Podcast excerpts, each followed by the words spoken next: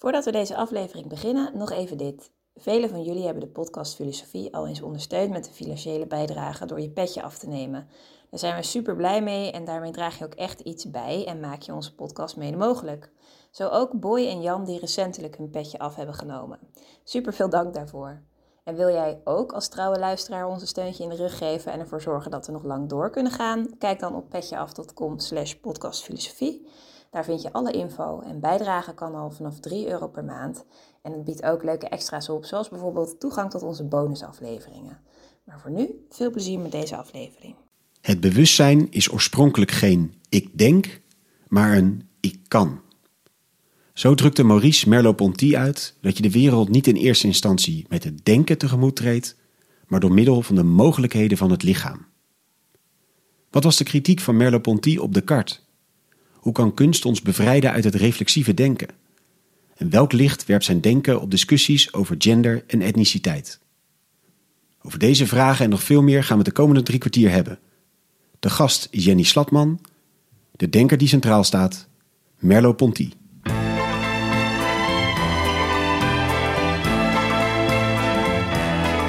Vers les docks où le poids et l'ennui me courbent le dos.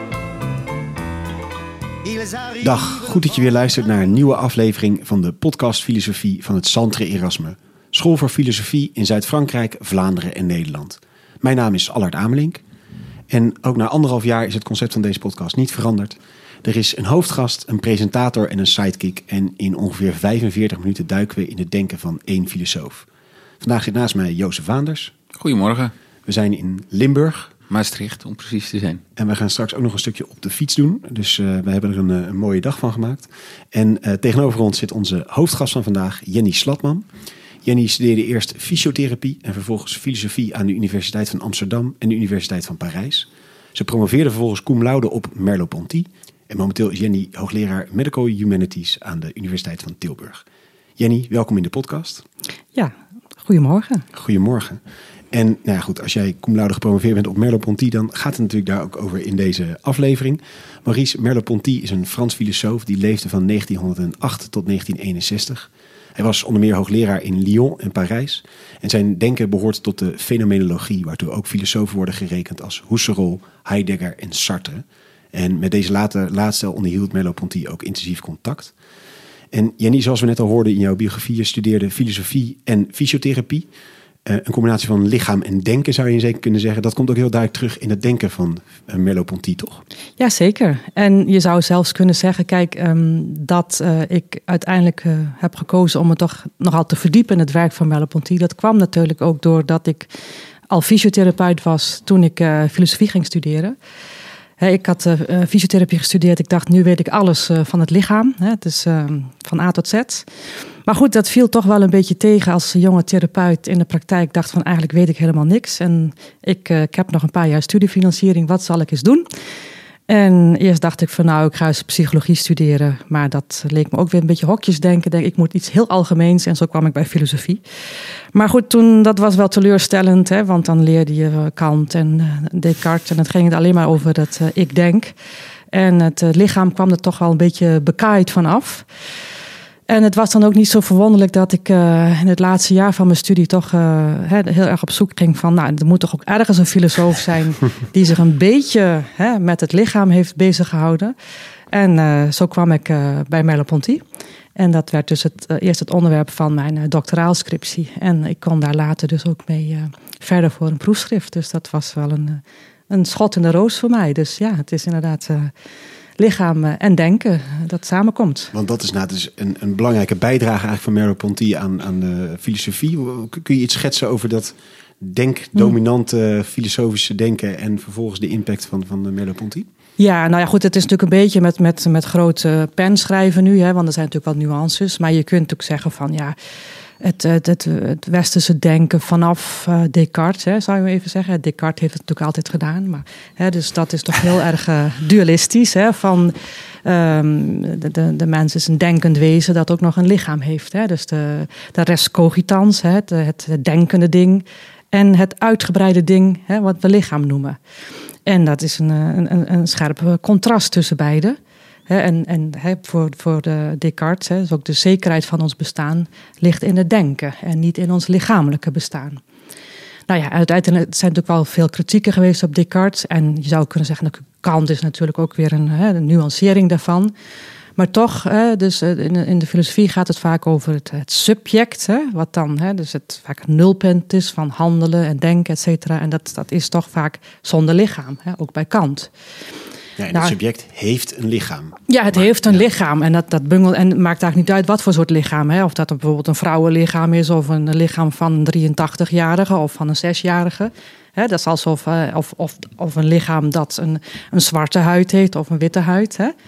Dat, uh, en het interessante is natuurlijk dat, uh, dat dat wel belangrijk is voor je denken en voor je handelen. Hè? Dus dat, dat, je kunt niet zomaar zeggen van er is een menselijk subject dat op die en die manier werkt. Hè? Dus dat is natuurlijk een soort universele claim die door uh, Descartes en Kant werd gemaakt. Maar goed, dat is natuurlijk ook de. In die tijd was dat natuurlijk heel gebruikelijk om zo te denken. En ja, er is natuurlijk een soort kritiek die ontstaat ook wel in de 19e eeuw. Bij Nietzsche zie je natuurlijk al een soort aanloop. Maar op een gegeven moment, uh, toch begin van de 20e eeuw, zie je daar uh, veel meer uh, kritiek in ontstaan. En voor, eigenlijk zou je kunnen zeggen, dus voor Merleau-Ponty is, is daar een, hè, zeg maar een belangrijke inspirator voor hem is, het, is Bergson, aan het begin van de 20e eeuw. Omdat hij eigenlijk ook hè, dus af wil van, van dat hele intellectualistische denken, of dat rationalistische denken, zeg maar, dat alle handelen van de mens in de, in de ratio ja, plaats, zou je kunnen zeggen. En, en Husserl speelt daar ook nog een rol in? Ja, Husserl ook. Hè. Dus zeker Husserl. Dus dat is natuurlijk een soort ander. Dus Bergson zeg maar, is meer vanuit de Franse school. Hè. Dus, uh, en Husserl is, uh, hè, dus een Duitse filosoof. Hè. Dus zeg maar, wordt vaak gezien als de vader van de fenomenologie. Um, die is zeker uh, heel belangrijk voor Merleau-Ponty. Want Merleau-Ponty is ook een fenomenoloog. Um, uh, en zeker uh, en, en de fenomenologie, uh, zeker zoals Husserl die in zijn latere werk beschrijft, hè, gaat het ook om van een soort terugkeer naar de leefwereld. En je zou kunnen zeggen dat is voor Merleau-Ponty ook een heel belangrijk thema in zijn werk, of misschien wel het, het belangrijkste thema in zijn werk.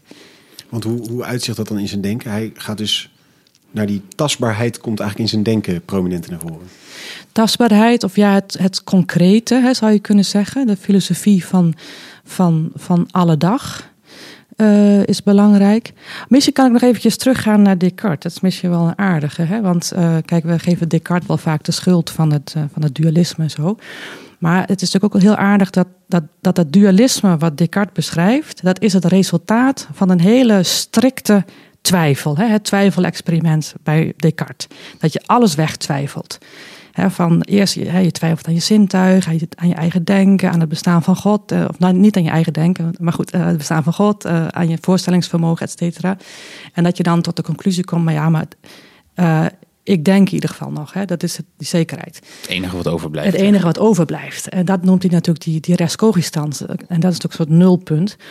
Maar het interessante is dat later Descartes in een briefwisseling hè, met die prinses Elisabeth is dat, hè? Elisabeth van de Pals. Uh, die, uh, die heeft een hele interessante briefwisseling mee. En die, die, die prinses is natuurlijk heel slim. Hè? Dat is een vrouw, snap je wel. Die stelt slimme vragen. En die zegt, ja, maar meneer Descartes, hoe kan dat dan? Maar hè, ons lichaam en geest gaan toch altijd samen?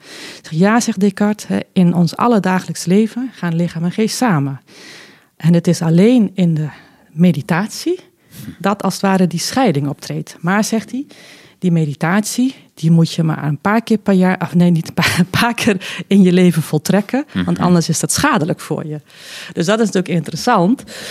Um, dat hij zoiets zegt, hè, van dus de, de, de, dat lichaam-geest dualisme uh, ontstaat alleen op het moment van die uh, van de reflectie. Van de reflectie. In het alledaagse leven is dat dualisme helemaal niet zo hard te trekken. Dus nee. eigenlijk bij Descartes zelf zit al de aanleiding ja. om die handschoen op te pakken. Zou je en... kunnen zeggen, ja. Dus het is ook uh, wat, en ik zeg ook eens van, nou kijk, wat, wat Merleau-Ponty dan doet, die gaat dan een filosofie van het alledaagse maken. Dus die, en dan laat je ook zien Kijk, dat wij dualistisch denken, ja, dat zit heel erg in onze cultuur natuurlijk, maar dat is niet primair, als het ware. Dat ligt als, ware als, een, als een laagje erbovenop. En dat komt door, door zo'n soortige reflectie zoals die bij Descartes is gedaan, zou je kunnen zeggen.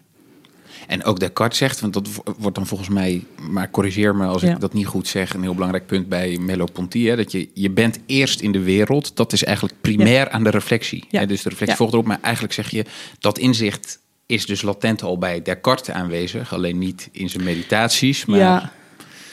Ja, nou ja, goed, we moeten natuurlijk Descartes ook niet te veel eh, in de mond gaan leggen. Hè. Maar goed, er zijn natuurlijk eh, veel dingen, eh, er wo- worden veel studies ook hè, gedaan die zeggen van ja, maar zo Cartesiaans was Descartes niet. Hè. Dus dat, Ja, ja, ja, exact, Ehm, ja. goed, dat is soms ook een beetje een scholastische discussie.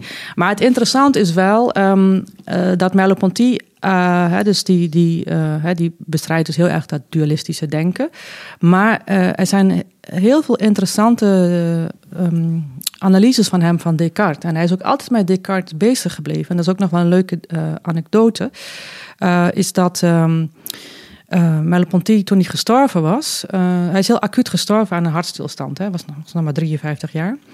En de dag daarna zou hij dus een, een college geven over Descartes.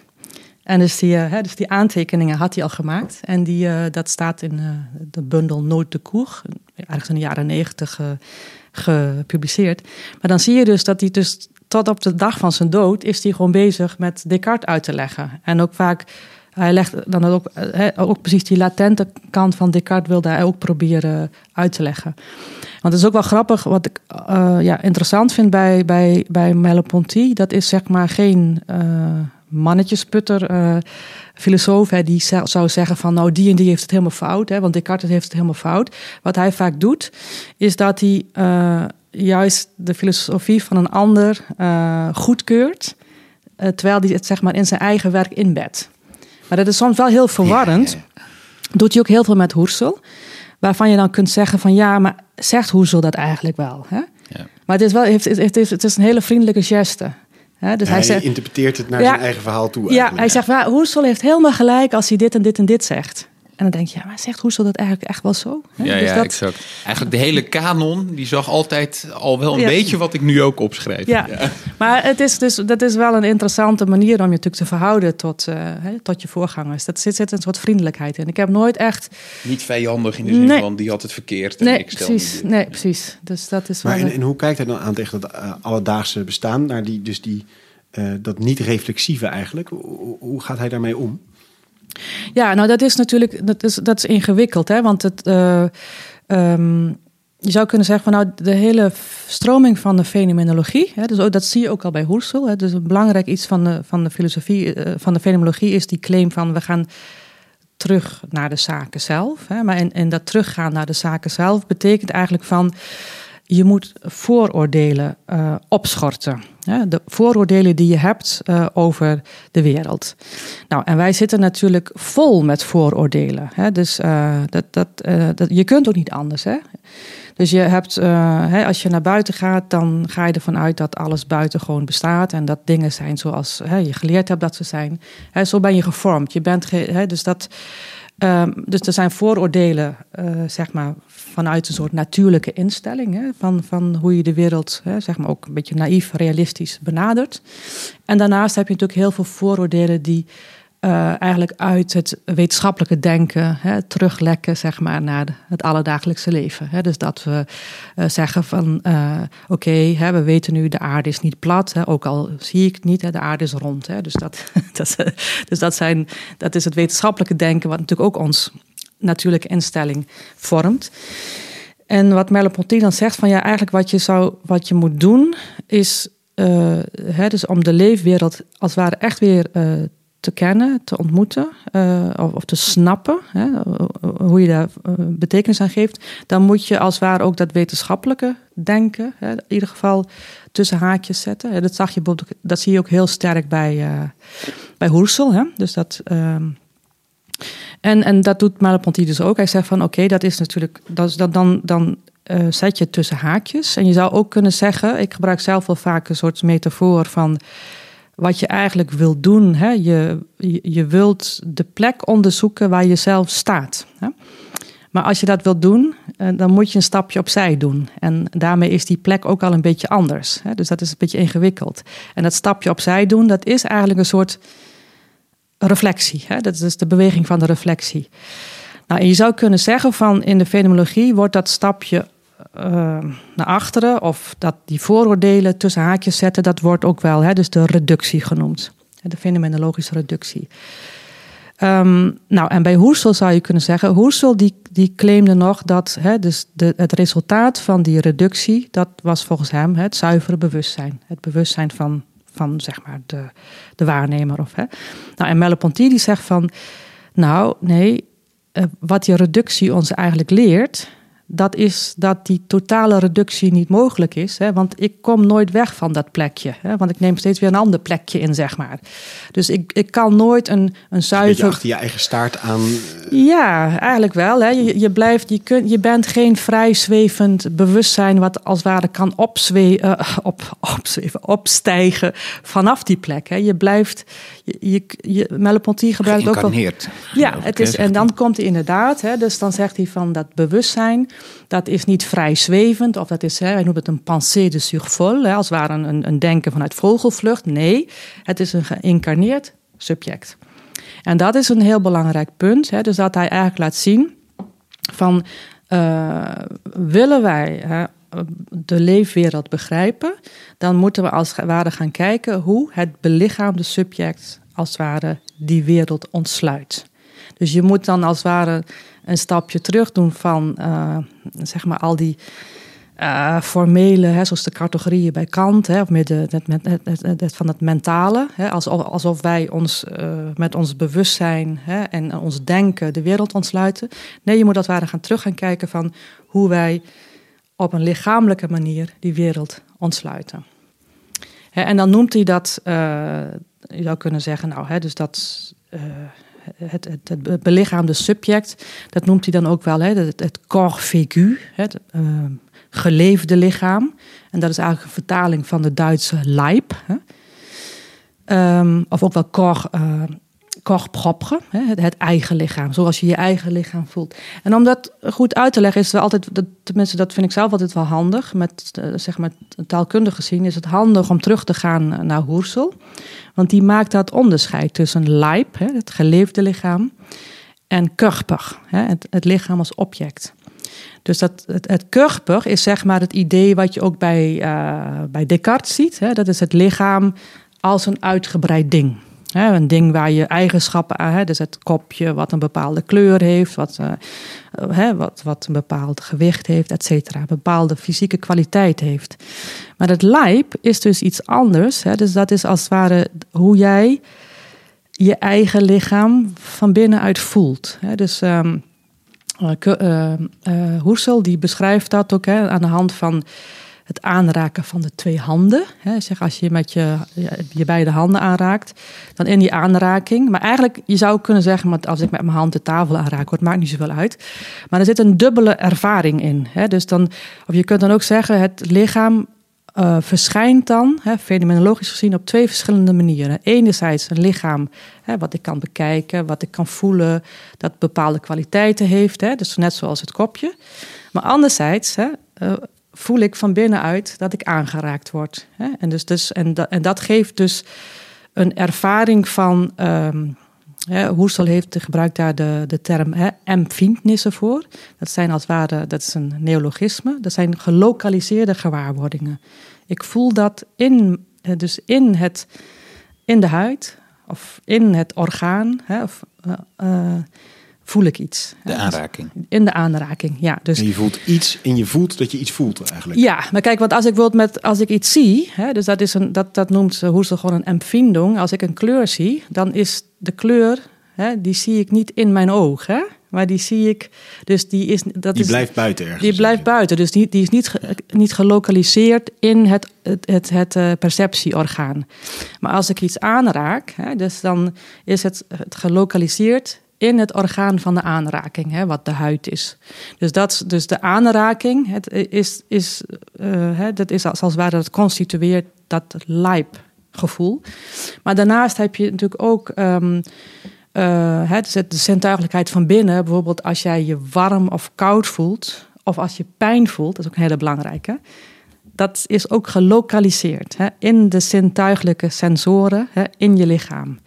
Een ander is bijvoorbeeld ook wat ze de proprioceptie noemen. Hè? Als ik mijn arm beweeg. Zo, hè? Dat hoef, ik, ik voel nu dat ik mijn arm beweeg, maar ik hoef er niet naar te kijken. Hè? Dus dat komt door in mijn gewrichtjes hè, zitten ook sensoren.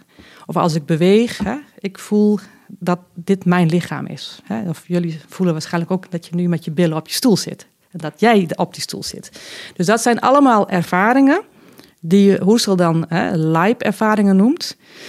En die als het ware ehm, een soort nulpunt vormen voor al je verdere waarneming. Hè? Dus en, en, dat, en, en die waarneming van jezelf, dan ervaar je je dus niet als een object, maar je ervaart je veel meer van hier en nu. Hè? En ook bijna, daar kun je ook niet aan twijfelen. Ja, dus je, zit, je ervaart geen distantie ten opzichte van je eigen lichaam. Ja. Je, je, je, je bent je lichaam. Ja, je bent je lichaam. Ja. ja. dus daar ook, je zou, als je het eenvoudig uitlegt, kun je zeggen van nou, lijp betekent ik ben mijn lichaam. Hè? En dit is mijn lichaam. Het is het körper, ik heb een lichaam. Ja, precies. Hè? En, en wat, wat natuurlijk zegt, het corps propre, het is, het, is van, het is mijn eigen lichaam. Dus dan zie je dus dat, dus die, dat, dat lijp of dat corps vécu, dat vormt dus als, dat, dat is eigenlijk hoe je het uh, belichaamde subject um, uh, kunt, uh, hè, kunt denken bij, bij Merleau-Ponty. dus dat, dat vormt als het ware het nulpunt, hè, dat zegt hij ook, van ons uh, denken en handelen. En, en, hoe ziet dat denken en handelen volgens dan uit? Heeft dat ook hele andere consequenties voor wat je dan ja. kan denken? Ja, nou het eerste wat al belangrijk is, en dat zie je ook al uh, aangekondigd bij Husserl, is dus dat dat nulpunt is niet meer het ik denk, hè, wat, we, wat het nulpunt bij Descartes was, maar het ik kan.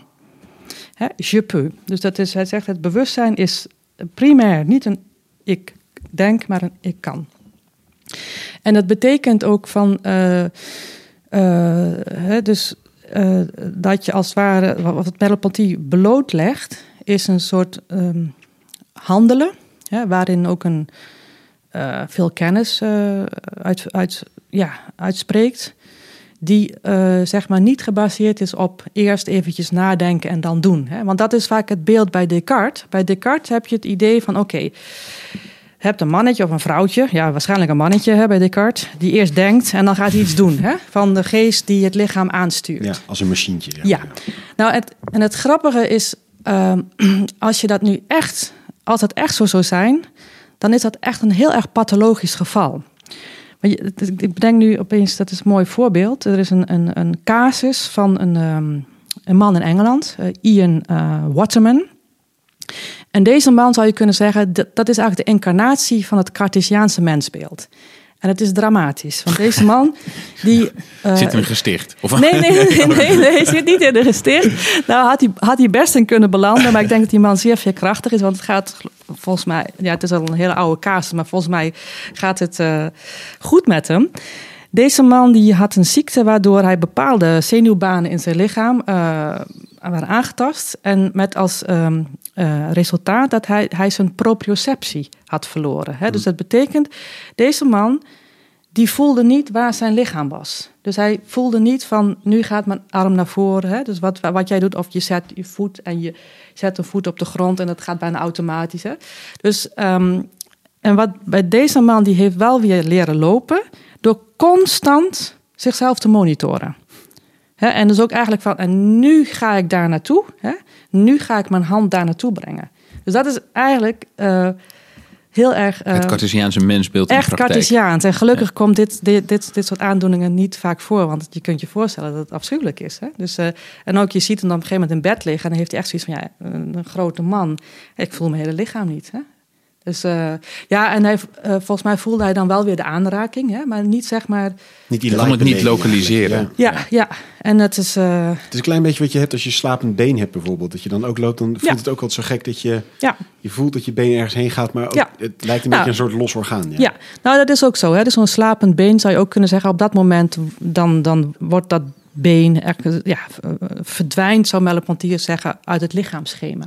En dat is een andere term die hij gebruikt voor dat uh, belichaamde subject. Hè, dat komt meer uit de psychologie, dat noemt hij dan lichaamsschema.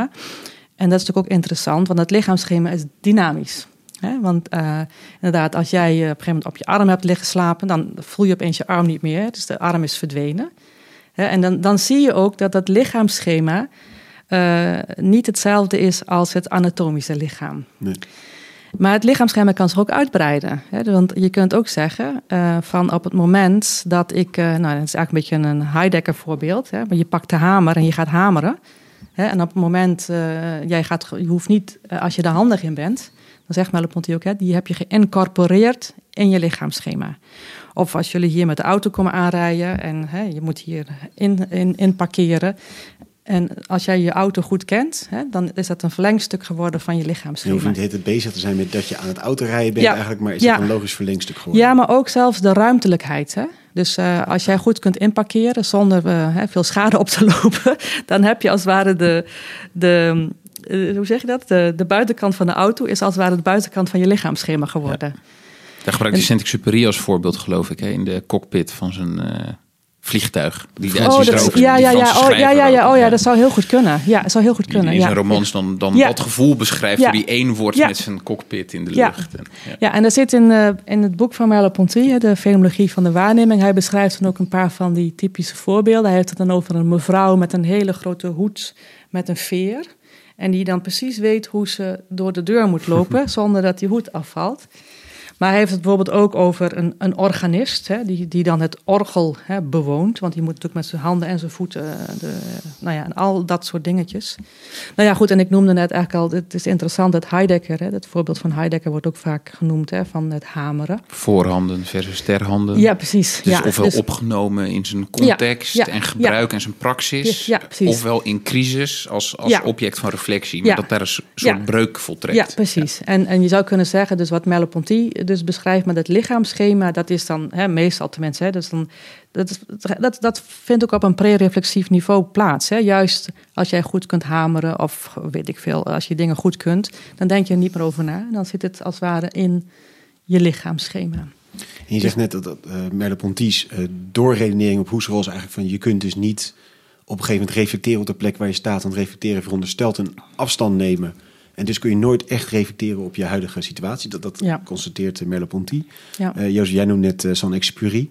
Dat is literatuur. Kunst is ook een belangrijke ja. middel, toch? Wat, wat, wat Merleau-Ponty ziet. Ja, uh, Merleau-Ponty die heeft zich ook uh, veel bezig gehouden. Veel geschreven over kunst. En dan ook met name over de schilderkunst. En inderdaad, Cézanne was een, een favoriet van hem.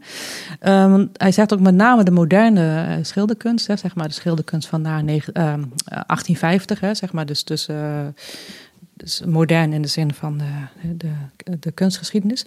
Um, dat je daar ook een soort breuk ziet met een soort, hè, soort realisme, van alsof je de werkelijkheid zou willen kopiëren. Uh, naar een soort uh, laten zien van een wereld. Hè? En um, dat je um, ja, de, de, de wereld in wording als het ware kunt laten zien. En misschien wat nog handig is om, om, om dat verder uit te leggen, is een onderscheid wat uh, Merleau-Ponty maakt als hij het over uh, zeg maar spreken of taal of expressie heeft. En dat is het onderscheid tussen enerzijds wat hij noemt parole parlée en parole parlante. En parole parlée, zeg maar, is het uh, gesproken woord. En parole parlante is het sprekende woord. En hij zegt eigenlijk in iedere taal is, is dat altijd, gaat het, ja, spelen beide kanten mee. En het gesproken woord is zeg maar een, hè, dus de woorden die een bepaalde vaste, of, of, uitdrukkingen die een bepaalde vaste betekenis hebben. Hè. Dus wij gebruiken allemaal woorden uit het woordenboek, hè, is allemaal parole parlé. Maar je kunt natuurlijk zeggen, op het moment van spreken, het parole parlant, ontstaat er ook steeds iets nieuws. Hè. Nou, en je kunt je natuurlijk wel voorstellen, Merleau-Ponty zegt van ja, enerzijds heb je zeg maar uh, een soort, soort, soort um, als je een taal van symbolen hebt, dat, dat is heel erg een soort vaststaande taal. Hè? Dat is uh, sommige wetenschappen, hè? dus dat je met, met bepaalde formules, dat is als het ware bijna helemaal gereduceerd tot parole parlé.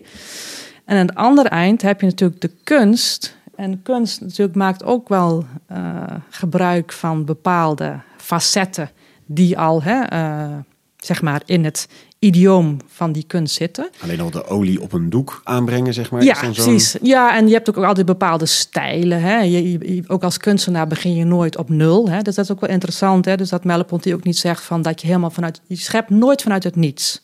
En er is altijd iets van een Parole parler, hè, dat is dan ook een, eh, Voorgeschiedenis. een voorgeschiedenis. Een plek waar jij staat van waar jij weer ja, verder precies. gaat. En dat is in de taal niet anders. Hè. Je gebruikt de woorden die bestaan. Je, je begint niet zo helemaal een nieuwe taal te spreken. Maar goed, in, in de kunst heb je natuurlijk wel veel meer dat het parole parlant aan het woord is. En dat is ook, ja. eh, en het interessante natuurlijk van kunstwerken is ook de andere kant ervan. Als jij naar kunst gaat kijken, dat, hè, ik weet niet, misschien hebben jullie zelf ook al eens die ervaring gehad, maar ik heb vaak als ik naar een museum ben geweest en ik heb schilderijen bekeken, dan kom ik er toch altijd een beetje verdwaasd uit terug. Hè, alsof van, oh, hè, weet je, zo, er is even iets gebeurd. Ehm, en Merleau-Ponty zegt ook van, ja, kijk, wat die schilderijen, als het goede schilderijen zijn, ook doen, is juist even die vertrouwdheid van, van die alledaagse wereld even te doorbreken. Hè, om je het even weer te laat, anders te laten zien. Dus in die zin is, is, is die kunst ehm, eh, zeker heel belangrijk eh, eh, in, in Merleau-Ponty's werk. En ik heb uiteindelijk zelf ook beweerd dat, maar goed, hè, dus in, in mijn proefschrift destijds, van dat Merleau-Ponty eigenlijk zelf ook in zijn manier van schrijven dat wilde proberen te benaderen. Hè, meer een soort, metaforisch taalgebruik. Of in ieder geval een soort taalgebruik ook in de filosofie. Dat je ook probeert dat de concepten in beweging blijven. Want het is natuurlijk het ingewikkelde als jij het, het- natuurlijk een heel filosofisch apparaat gaat optuigen over de leefwereld. Dan vang je het ook weer in een bepaald net. Hè? Ja, je zit weer in de reflectie, terwijl je Ja. eigenlijk iets wil zeggen over Ja. wat aan de reflectie vooraf gaat. Ja, precies. En daar kom je niet uit. Ja, daar zit je dus dat vast. is, ja. en dat is natuurlijk een soort gegeven. Maar je kunt natuurlijk wel, eh, hè, je, kunt, je kunt dan heel, iets heel striks doen, zeg maar, zoals, zoals wat Kant doet, hè, zeg maar even. Hè, om te zeggen, zo zit het in elkaar. Of je doet het zoals Merleau-Ponty, die toch vaak, ehm, zeker in zijn latere werk, eh, allerlei verschillende concepten. Hè, hij heeft over, eh, ook, eh, hè, eh, eerst gezegd wat vreemde concepten, zoals vlees heeft hij dan over, of het, het wilde zijn, of de ontploffing van het zijn, allemaal van dat soort ge- dingen, concepten gebruikt hij om toch te proberen van, ja, het, het blijft een beetje in beweging. Ja, dus dat is Een het. beetje te ontsnappen uit die eh Ja, en- en- parole parler eigenlijk. Ja, precies. Om dat sprekende woord eh, te laten klinken. Ja. En dat is precies ook wat hij zo aan Cézanne waardeert, geloof ik. Toch? Dat Ja, hij in zijn, ja. in, in zijn schilderkunst ook probeert iets, iets te vangen... wat aan de categorisering vooraf gaat. Ja. Hè? Dus niet strakke lijnen van Ja. hier heb je een Ja. object en daar. Nee, maar daar Ja. is een soort gebeuren, een soort Ja. oer-ervaring van het zijn... voordat Ja. wij dat met onze geest echt gaan categoriseren Ja. Ja. en indelen. Ja. Wel precies. Ja, dat ook. ja. Ja, en wat hij volgens mij van Cézanne ook heel erg waardeerde is... eh, Cézanne die ging telkens diezelfde berg schilderen. Ik weet niet meer... Mont Saint-Victoire, geloof Ja, ik. precies. Ik heb hem ook ooit eens be- bewandeld, ja. En, ehm, eh, en dat Merleau-Ponty ook zegt van iedere keer weer diezelfde berg. Hè? Dus dat het ook zoiets van, en dat was nooit, was nooit helemaal goed ook. Hè? Dat, dat zo'n opstel, dat heet ook hè, de, de twijfel van Descartes. Van Cézanne. Van, of, ah, sorry, sorry de twijfel van Cézanne. Ja, dus eh, waar hij ook mee aangeeft dat het ook een soort worsteling is in dat schilderen. Hè? Dus dat het ook, ehm, ja, en, en steeds kwam die berg als het ware toch weer net anders tevoorschijn. Ja, dus, eh, ja. En, en waar, ehm, waar wil ehm Merleau-Ponty dan uiteindelijk heen? Zeg maar? Want hij duidt deze beweging. Hij zegt dat nulpunt is dus een, een, een ander vertrekpunt dan het denken. Dat is vanuit een, een Ja. kan, dat is vanuit een lichamelijkheid. Dat is ook van een soort gegevenheid van dat je dus ergens bent. Ja. Het is ook niet vanuit een soort vacuüm. ja. Wat, wat, waar wil die heen? Of wat, wat, kun je vanuit die plek? Of is dit zijn belangrijkste observatie eigenlijk? Dat je op die manier de wereld tegemoet treedt? Ja, waar wil die heen? Kijk, het is natuurlijk. ehm, mm, je, kunt er verschillende dingen mee. Hè? Dus het is, het is ook, eh, je zou kunnen zeggen, voor de eh, filosofische antropologie is het natuurlijk een heel belangrijk eh, ehm, standpunt. Hè? Dus dat je zegt van hè, de, in antropologie, filosofische antropologie, dat je natuurlijk nadenkt: oké, wat is het mensbeeld? Nou ja, dat je dus afkomt van een soort rationeel wezen, hè, maar dat, dat, dat, dat, dat we belichaamd zijn. En dat heeft denk ik heel veel implicaties. Hè. Ehm, Ja, maar wat kun je, je daar voorbeeld van noemen? nou ja, kijk, wat ik. eh, het, het, het, nou ja, goed, wat je, wat je natuurlijk ziet, ook hoe. eh, misschien is het het handigste om te laten zien hoe Merleau-Ponty's werk dan zeg maar nu ook eh, hè, gebruikt wordt door anderen. Ehm, nou, allereerst is dat we voor de, zeg maar, hoe we over cognitie nadenken. Hè? Van, van, ehm, eh, als het zo is dat, dat, hè, dat wij niet eh, eerst en vooral een denkend wezen zijn, maar een, een, een, een, een belichaamd wezen dat, dat zeg maar, dingen kan en niet kan. Hè? Ehm, ja, dan, dan uh, dat betekent ook van dat je dus in de basis van de cognitie, dus ook vaak ook in die lichamelijkheid zit.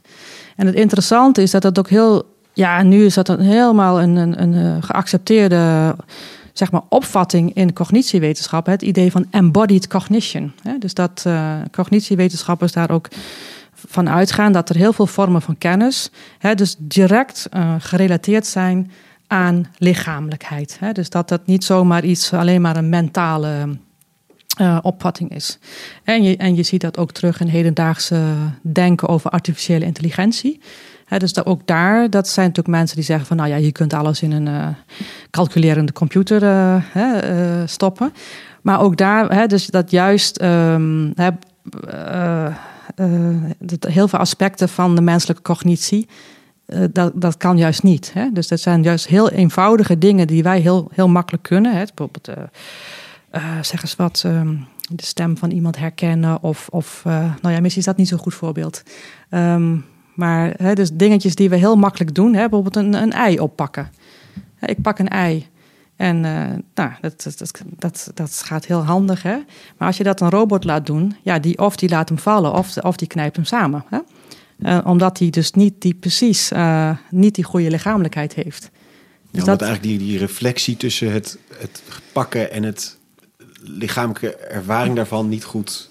Ja, dus wij hebben dus in, in onze lichamelijkheid, wij pakken iets. Natuurlijk moet je dat ook leren. Hè? Dus kinderen zullen misschien wel een keer een ei laten vallen. Dat weet ik eigenlijk niet. Ik kan me niet herinneren dat ik ooit een ei heb laten vallen of het heb fijn geknepen. Alsof je het direct bijna begrijpt. Hè? Van, uh, zo van dat is anders dan een balletje en ik uh, moet er niet te hard in, knijpen. Hè? Maar um, kijk, voor een robot is dat is heel ingewikkeld om een robot zo te, te uh, hè, dus dat hij dat precies goed doet. Het gaat om een soort aanvoelen. Ja, nou kijk, daar zit natuurlijk ook een soort, steeds, steeds een, de, wat wij sensormotoriek noemen. Hè? natuurlijk van, van, uh, en, je, en je kunt ook met hele slimme sensoren misschien dat wel gaan bereiken. Maar, maar, maar dan, dan benader je natuurlijk die, uh, zeg maar die, die belichaamdheid van een uh, menselijk lichaam. Hè? Ja. Dus, um, nou ja, dus, dus voor die artificiële intelligentie is, is dat denken van Merleau-Ponty dus heel belangrijk. Hè? Van over, dat je nadenkt over van, van wat is eigenlijk intelligentie en hebben we daar niet, uh, moet die niet belichaamd zijn.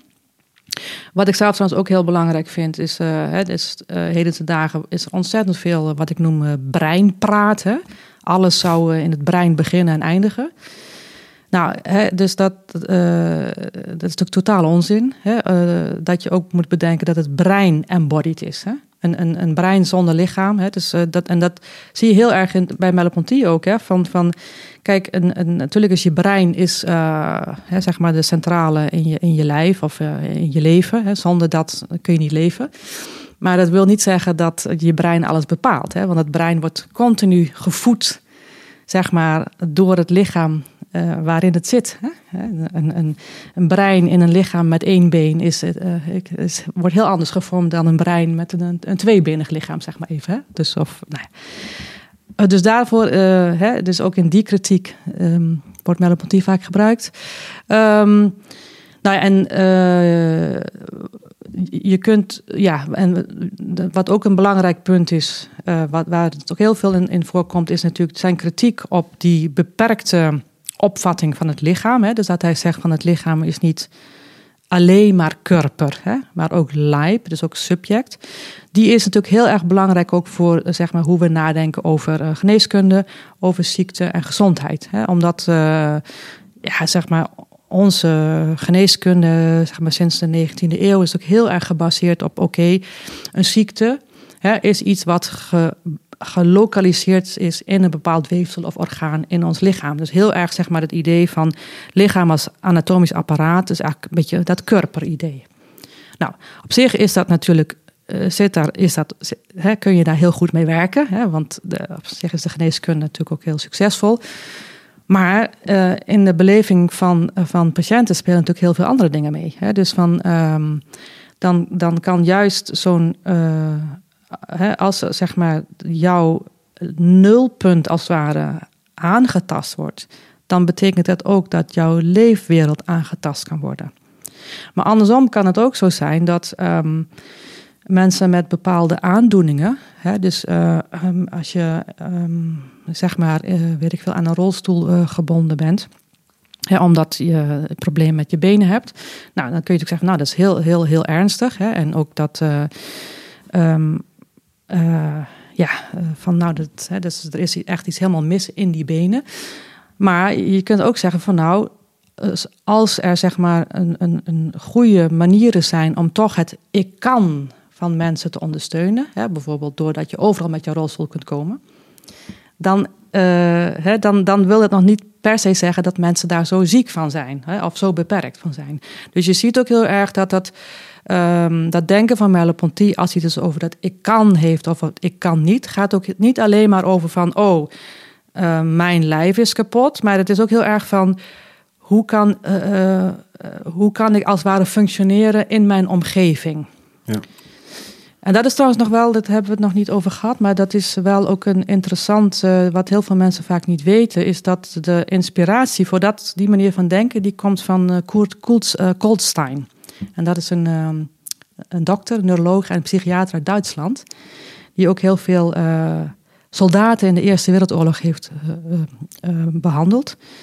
En je ziet ook in Merleau-Ponty's werk dat hij een aantal casus van hem gebruikt. En, dat is, en die, die Goldstein die zegt ook van, kijk, ziekte is uiteindelijk van um, dat het, het organisme als het ware niet um, ja, goed in samenspraak is met de omgeving. Hè? Dus dat, het is niet per se van mhm. dat jij uh, een wond hebt. Hè? Kijk, want als je met een wond goed kunt functioneren als het ware, dan, dan ben je niet per se uh, ziek. Invalide. Of invalide, ja. ja dus, dus dat is ook interessant. Dus dat ik kan bij Merleau-Ponty is niet per se van... oh, uh, je, je, je, hebt maar, uh, hè, maar, maar ja, je moet maar met één been leven. Dus dan wil niet per se zeggen van dat dat, dat, dat ik kan niet is. Hè? Nee. Dus dat is dat ik kan is heel erg um, ja, gerelateerd aan de omgeving. En het leuke is, kijk, Merleau-Ponty die schreef natuurlijk eh, zijn hoofdwerk uit 1945. Dus ja, de man is uh, zeg maar van een paar generaties terug. Fenomenologie van de waarneming. Ja, de fenomenologie van de waarneming. Um, uh, en uh, bij hem zie je natuurlijk ook nog wel, als hij het over hè, heeft, er is nog weinig, um, uh, zeg maar, dat hij die zich bezighoudt met diversiteit. Hè. Je, je, leest toch al wel snel doorheen, oké, okay, het gaat hier om witte mannelijke lichamen. Hè. Um, hè, en dat is ook wel een kritiek opgekomen hè, van Frans Fanon, hè, een zwarte Franse denker die dat, dat later aangeeft. Maar, en natuurlijk ook heel veel feministische denkers. Maar je kunt, dat is, en dat is natuurlijk terecht, maar goed, je kunt zeggen, ja, in de tijd hè, klopt dat natuurlijk wel.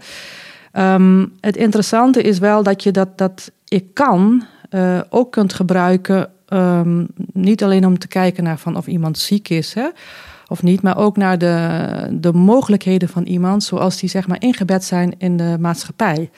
En een heel mooi voorbeeld daarvan is de analyse van uh, Iris Young. Het is in een, een bekend uh, essay, dat is uh, Throwing Like a Girl, hè, gooien als een meisje. Waarin ze dus een analyse maakt van, nou, hè, er is blijkbaar een, een, mannelijke en een vrouwelijke manier van gooien. Hè? Dus mannen die gooien zo met een hele lijf, hè? gooien ze een bal en vrouwen doen tjoep, hè? zo.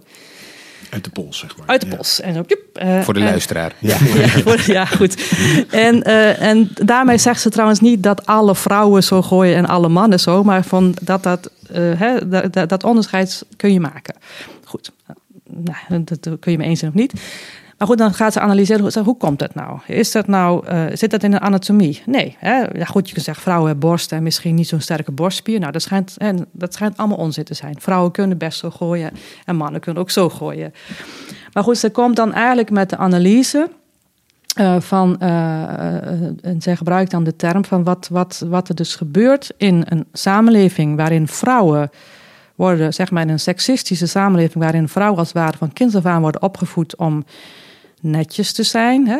beentjes over elkaar. En bij borstgroei je, hè, je, je, lichaam een beetje te sluiten. Dus vrouwen worden heel erg uh, opgevoed met het sluiten van hun lichaamshouding. Hè? Je gaat niet als vrouw, even voor de luisteraar, hè, met je benen wijd zitten zo. Hè, of even wat. Uh, je gaat niet zo. Hè, dat is, manspreading. Dat, ja, uh, manspreading. Uh, dat, um, En ze zegt dus wat, wat je dan krijgt is een soort ehm, eh, inhibitie van de motorische intentionaliteit. Dus je, het, je, je onderdrukt als het ware je eigen ik kan. En zij zegt dan ook vaak van, hè, dat ze ziet van uh, mensen gaan in een groepje wandelen, mannen en vrouwen samen. Dan kom je bij een sloot en alle mannen springen over de, over de sloot. En die vrouwen staan daar maar een beetje van aan de kant te, te wiebelen van, ja, het kan, maar ik kan niet. Hè? Terwijl je zou denken van, nou, hè, dus waarschijnlijk zou het wel kunnen. Maar als ware van. Uh, zo, zo, zo, zeg maar in, in de opvoeding, in wat hoort, dat je dus ook een soort ik kan niet. Uh, Wordt aangepraat eigenlijk. Ja. ja, aangepraat, maar echt ook. Uh, ja, je, ja, en nou ja, dat, dat, dat, is, dat is of aangeleerd. En een andere vorm van ik kan niet is trouwens ook, hè, want we hebben nu over gender waar je het kunt toepassen. Maar een andere interessante analyse is ook dat je dus voor, voor etniciteit en huidskleur kunt uh, toepassen. Hè, dat zijn analyses van uh, Sarah Ahmed. Die beschrijft bijvoorbeeld, hè, zij zelf, even kijken, wat is haar achtergrond? weet ik even niet, maar ze heeft een donkere huidskleur. Maar zij beschrijft eigenlijk van, kijk, de fenomenologie en ook bij Merleau-Ponty, dat corps vécu, hè, dus dat, dat is heel uh, de, de, lichamelijke subject is heel erg van. Um, dat gaat vanzelf, hè, zou je kunnen zeggen.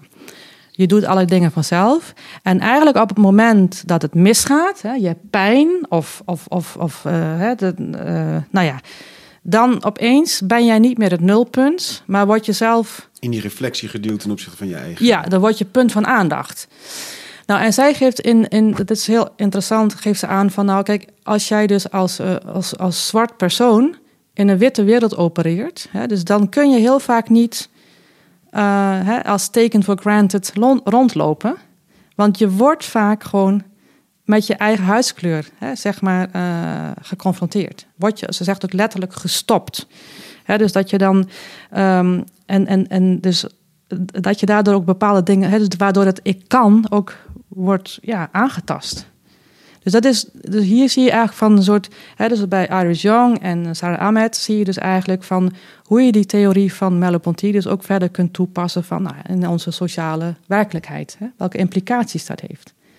Dus, ja. Dankjewel Jenny. Ik vind het uh, interessant dat we een, een soort heel oud uh, filosofisch debat over uh, dualiteit en dualisme hebben. En dat het tegelijkertijd in de vandaag de dag discussies nog steeds super relevant is. Mm -hmm. En ergens ook die oude duale denken over het brein wat het lichaam aanstuurt zo dominant is. Ondanks dat dit dus al eigenlijk best wel een langlopende mm. discussie is. Want we hebben gehoord over uh, Maurice Merleau-Ponty. En um, zijn uh, kritiek is eigenlijk op Descartes, die in zijn dualisme um, uh, het denken heel erg centraal stelt. De zekerheid van het bestaan ligt in het denken. En dat denken heeft vervolgens een lichaam. Dus er zit een, een sterke scheiding tussen die twee kanttekening is wel dat uh, Descartes zelf ook wel aangeeft van ja, je moet in die momenten van meditatie ervaar je dat misschien pas eigenlijk die, die scheiding tussen die twee. Maar goed, toch in dat hele Cartiaanse denken is dat heel erg dat onderscheid tussen het denken en de, het lichaam wat daar een beetje bij hangt. En um, wat Merleau-Ponty doet, uh, onder andere zich baserend op uh, Bergson en Husserl, is net een filosofie van het concrete of van het alledaagse. En wat daar belangrijk in zit, is, een, is een, het opschorten van je vooroordelen. Uh, niet uh, met een, uh, een continu dat denken en reflectieve naartoe stappen, maar gewoon eigenlijk daar, proberen daar voorbij te komen. dat wetenschappelijke denken ook een beetje te parkeren en gewoon de wereld tegemoet te treden. Want uiteindelijk treedt iedereen in zijn lichamelijkheid de wereld tegemoet. Het denken is niet zwevend in een abstractie boven het zijn, maar zit in een lichaam. Het is geïncarneerd, het is een belichaamd subject.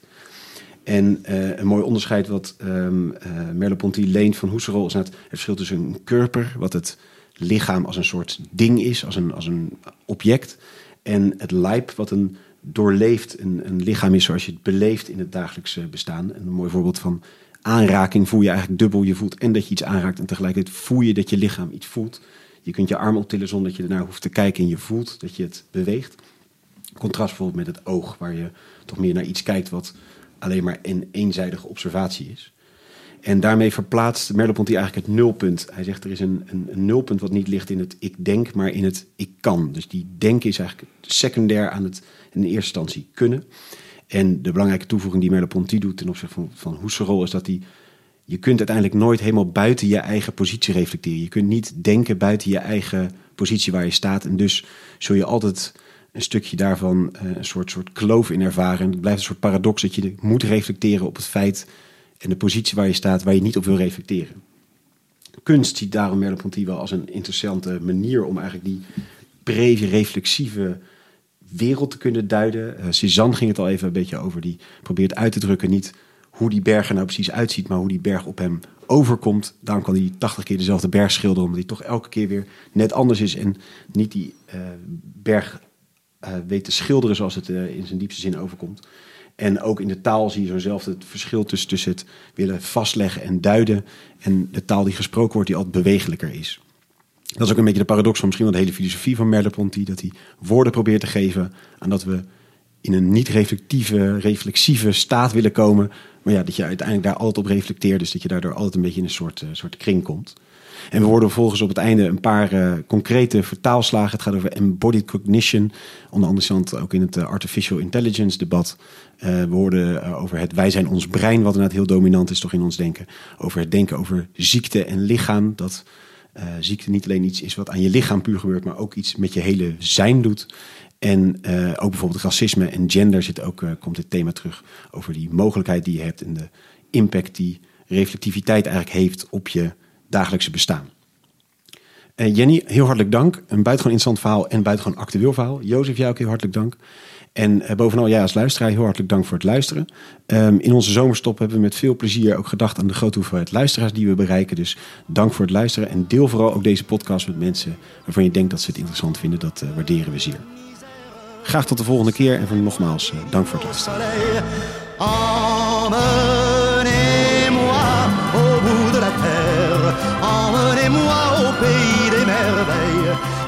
song.